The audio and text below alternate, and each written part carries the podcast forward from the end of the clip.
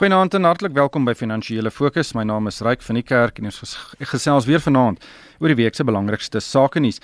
My gaste vanaand is uh, Lulu Kriegels, hy's 'n ekonom by PwC. Goeienaand uh, Lulu. Goeienaand Ryk. En saam met my in die ateljee Johan Gous, hy's uh, hoof van batekonsultante by Sasfin Wealth. Goeienaand Johan. Goeienaand Ryk, goeienaand Lulu. Johan, kom ons begin by die by die markte en die rand. Nou in Augustus het ons die maand betree met 'n rand dollar wisselkoers van R13.20. Ons het uh, Vrydag uh, die maand afgesluit met 'n wisselkoers van R14.72 en iewers in die middel het ons 'n draaibyn van oor die R15 gemaak. Ehm um, die dis 'n wisselkoers swaai verswakking van 11% in die maand.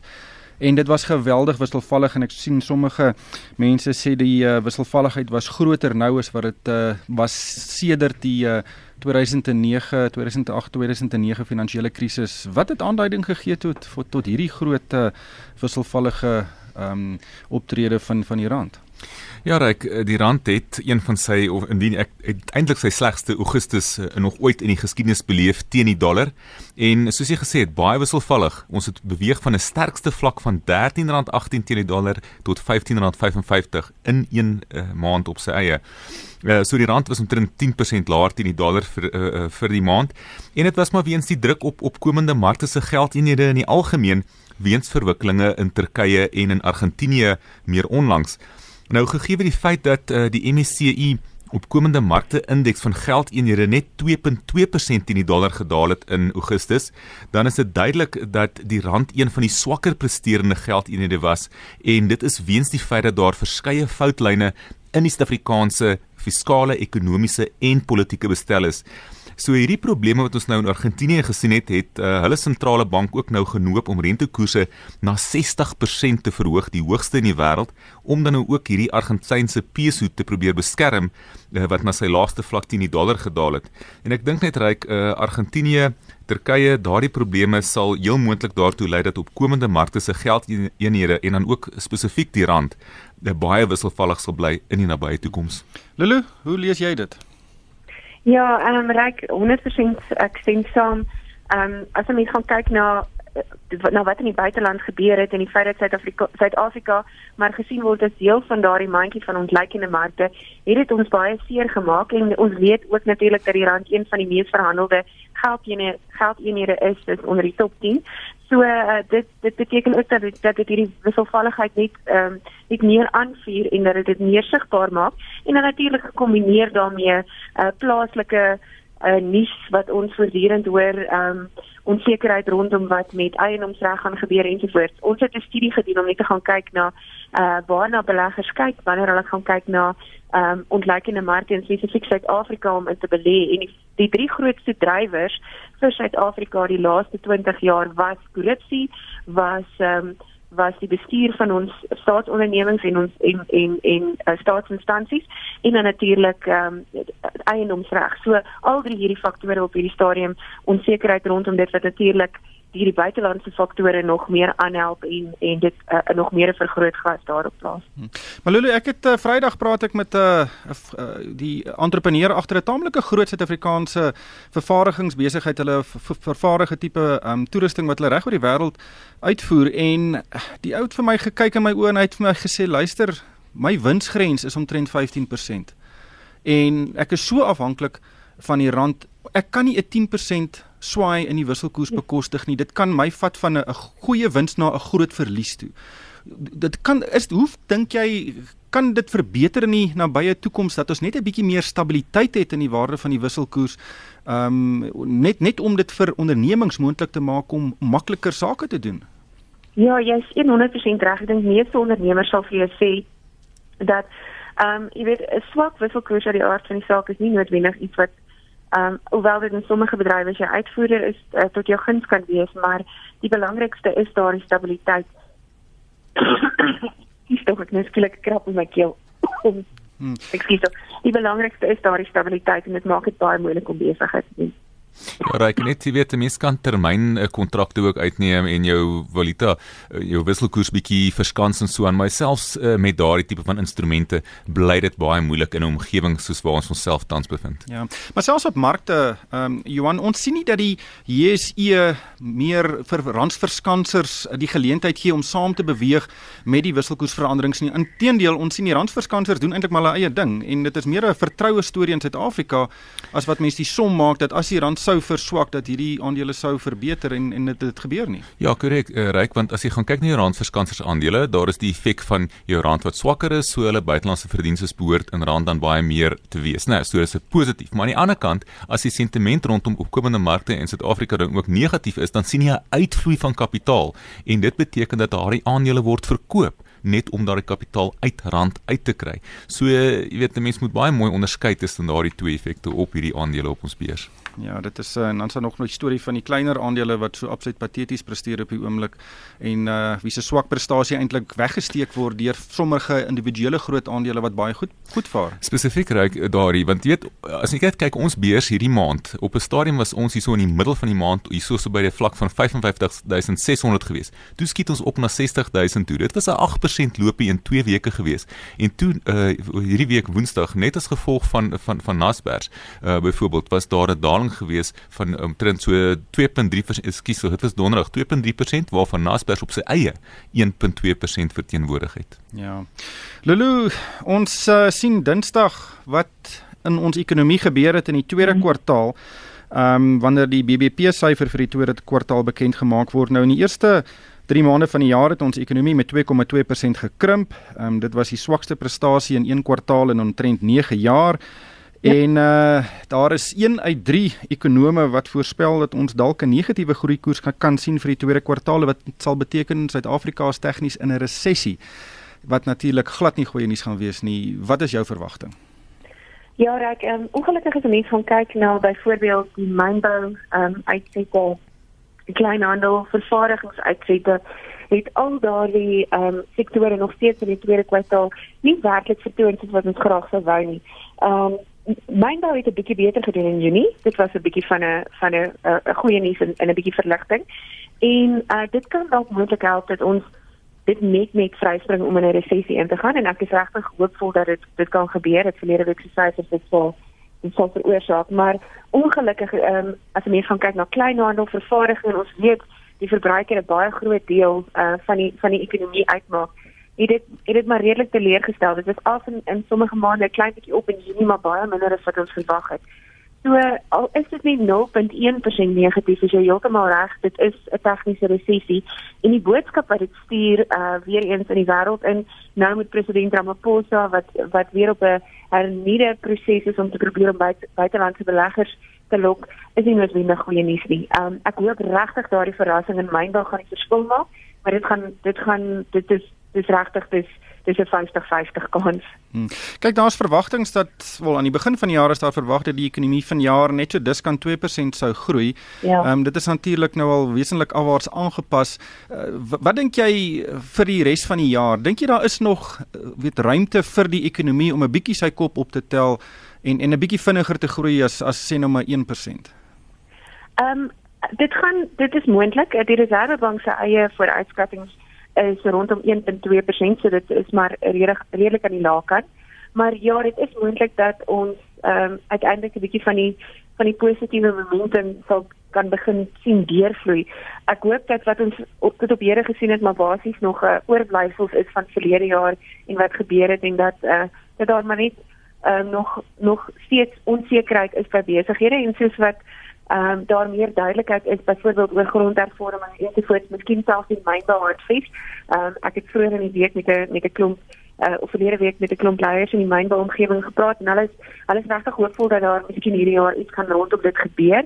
Ehm um, as daardie sekerheid deurkom, sal dit goed wees. Ons het ook gesien dat die Reservebank se leidende indikator ehm uh, wys ook vir ons dat daar dalk 'n bietjie momentum kan wees in die tweede helfte van hierdie jaar. So uh kom ons hoop ons sien 'n bietjie goeie nuus. Johan? Ryk, ja, ek dink die Reserwebank sal Dinsdag se syfer fyn dophou gegee die rentekoersbesluit wat ons van die ehm um, die die die komitee, die monetêre beleggingskomitee uh, uh, gaan sien uh, later hierdie maand. Ek dink 'n positiewe ver verrassing kan tot 'n welkome versterking in die rand lei wat natuurlik dan beter vooruitsigte vir inflasie tot gevolg kan hê en die Reserwebank uh, daar daarvan weerhou om dan rentekoerse nog in 2018 te verhoog. Ek dink gegee die druk op die rand en die stygende inflasie, het die Reserwebank nie tans die leksheid om die ekonomie te ondersteun met lae rentekoerse nie, maar kyk ons vorentoe, behoort die tweede helfte van vanjaar beter te wees net as gevolg van die feit dat ons van 'n baie lae basis afkom. Ja. Lulu net ek was eintlik taamlik geskok toe ek gesien het wat Argentinië gedoen het sommer net rentekoers op te stoot van 45% tot 60%. Nou jy kan net sowel 'n geweer teen die daai ekonomiese kop uh, sit en die die sneller trek want geen ja. ekonomie kan met daai tipe van rentekoerse uh bestaan nie. Dit is net onmoontlik. Wat dink jy van ons rentekoers um uh weet horison? Wat dink jy kan gebeur uh met rentekoerse in die nabye toekoms? Maar ek dink ehm um, daar is die algemene verwagting dat rentekoerse sal moet opwaarts aangepas word want ons begin sien ehm um, die swak rand natuurlik eh uh, brandstofpryse wat opgaan.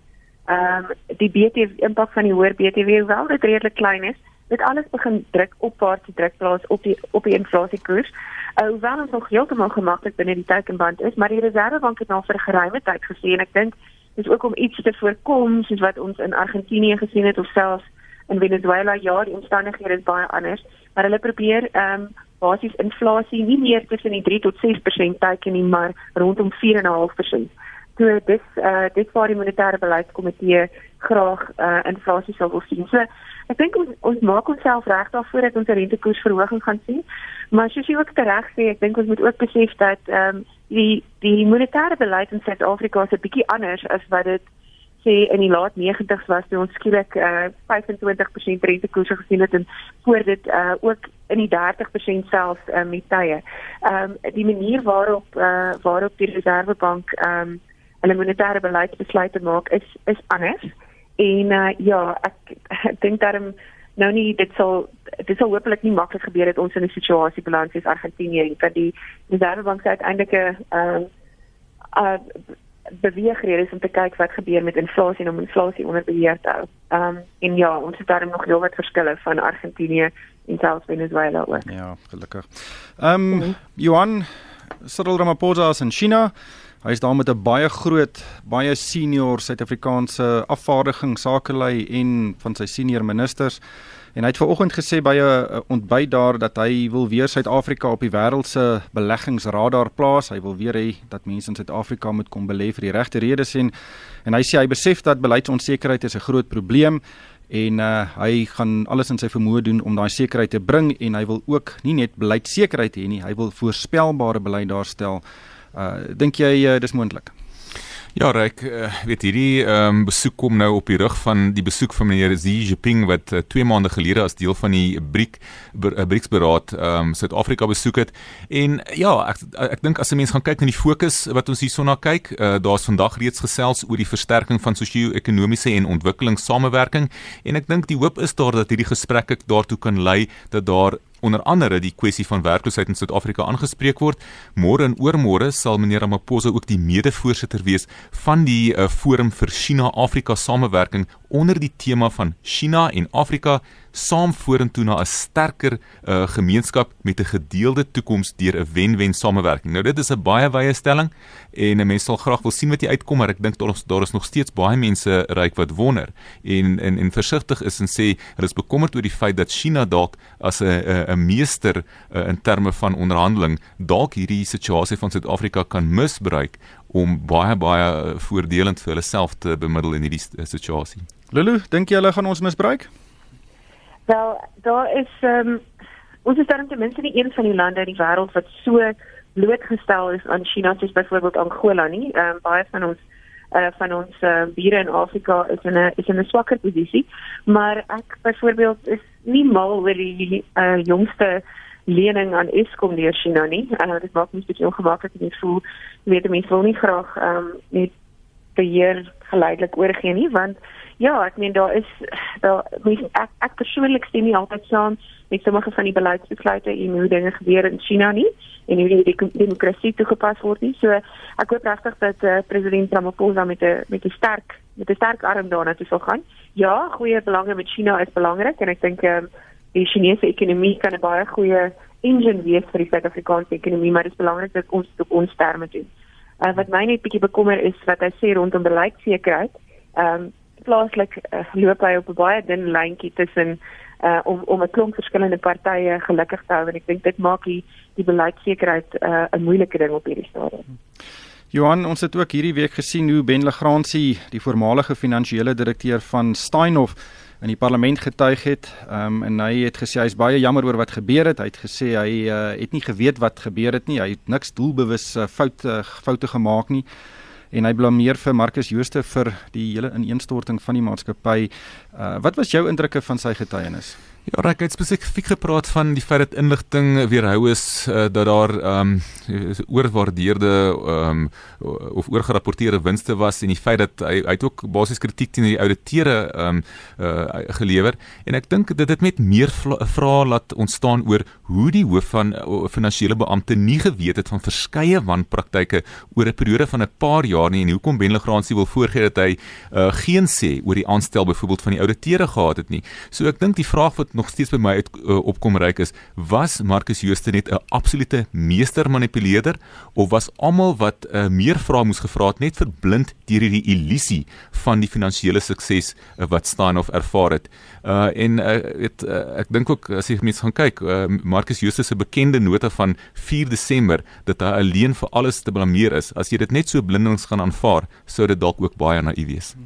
Ja Lulu ons gaan ook uh, hierdie week sien vir Marcus Jooste wat in die parlement gaan getuig. Dit sal die heel eerste keer wees wat hy sedert sy bedanking in Desember verlede jaar met enige iemand op die rekord praat met die media uh, of met enige ander ehm um, weet uh, regulatoriese instelling. Uh, en uh, dit gaan 'n media sirkus wees en ek lees vanoggend in rapport dat uh, hy gaan nie gesels oor hoekom Steinhoff gevou het nie. Hulle gaan maar gesels oor die foute en die uitdagings uh, in die regulering van die finansiële dienste bedryf. Uh, het, het jy dit gesien?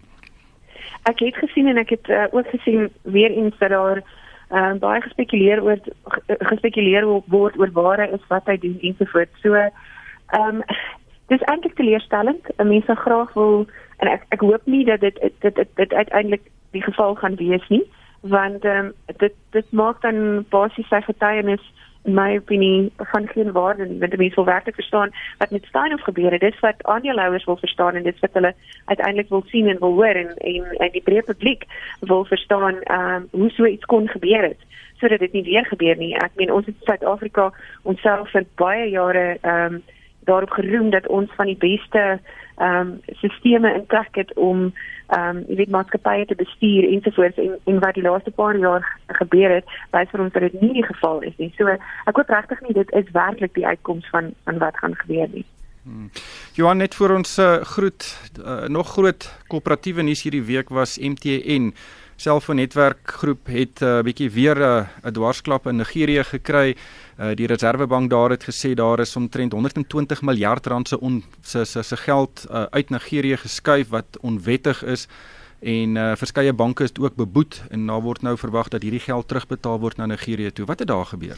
Ja, Ryk, uh, die uh, ondersoek kom nou al 2 jaar nadat MTN die eerste keer daarvan beskuldig is dat hy uh, dividende op 'n onwettige wyse uit die land geneem het en MTN was toe in November 2017 vrygeskel van enige beskuldigings na ondersoek deur die Nigeriese wetgewers en uh, nou begin die hele storie weer met MTN wat nou van voor af ehm um, jy weet hierdie saak sal moet aanspreek en dit kom op die rug van die 1 miljard dollar boete wat hy reeds vroeër moes betaal ten opsigte van ongeregistreerde kliënte. Uh die die die kernkwessie vir my ryk is dat Nigerië is MTN se grootste mark met 54 miljoen kliënte van sy 220 miljoen kliënte. So basies omtrent 25% van sy totale inskrywers sit in daardie land en daarom het jy gesien dat daai aandeel hierdie week met 20% geval het, 'n 9 jaar laagtepunt van hier by die R85. So nie 'n goeie storie nie. Ja, dit is baie duidelik dat daar in die Nigeriese owerhede 'n bietjie van 'n uh ongelukkigheid is met Suid-Afrikaanse maatskappye en daar word hmm. baie baie heftig teen Suid-Afrikaanse maatskappye opgetree. En ek wonder of dit 'n tema is wat uh, in die toekoms sal voortduur, maar soos jy gesê het, um, MTN het 4 ek dink net so oor die 40 miljard rand op een dag verloor. Ja. Hmm. En, en dis 'n groot hoeveelheid geld. Ongelukkig uh, hierdie tyd ons ingehaal. Baie dankie aan Lulu Kriegel. Sy's 'n uh, die hoofekonoom by PwC en ook Johan Gous, hy's die hoof van batekonsultante by Sasfin Wealth. Dankie vir julle bydraes vanaand. En dan dis dit van myself Ryk van die Kerk. Dankie vir die saamluister en ek hoop almal het 'n winsgewende week.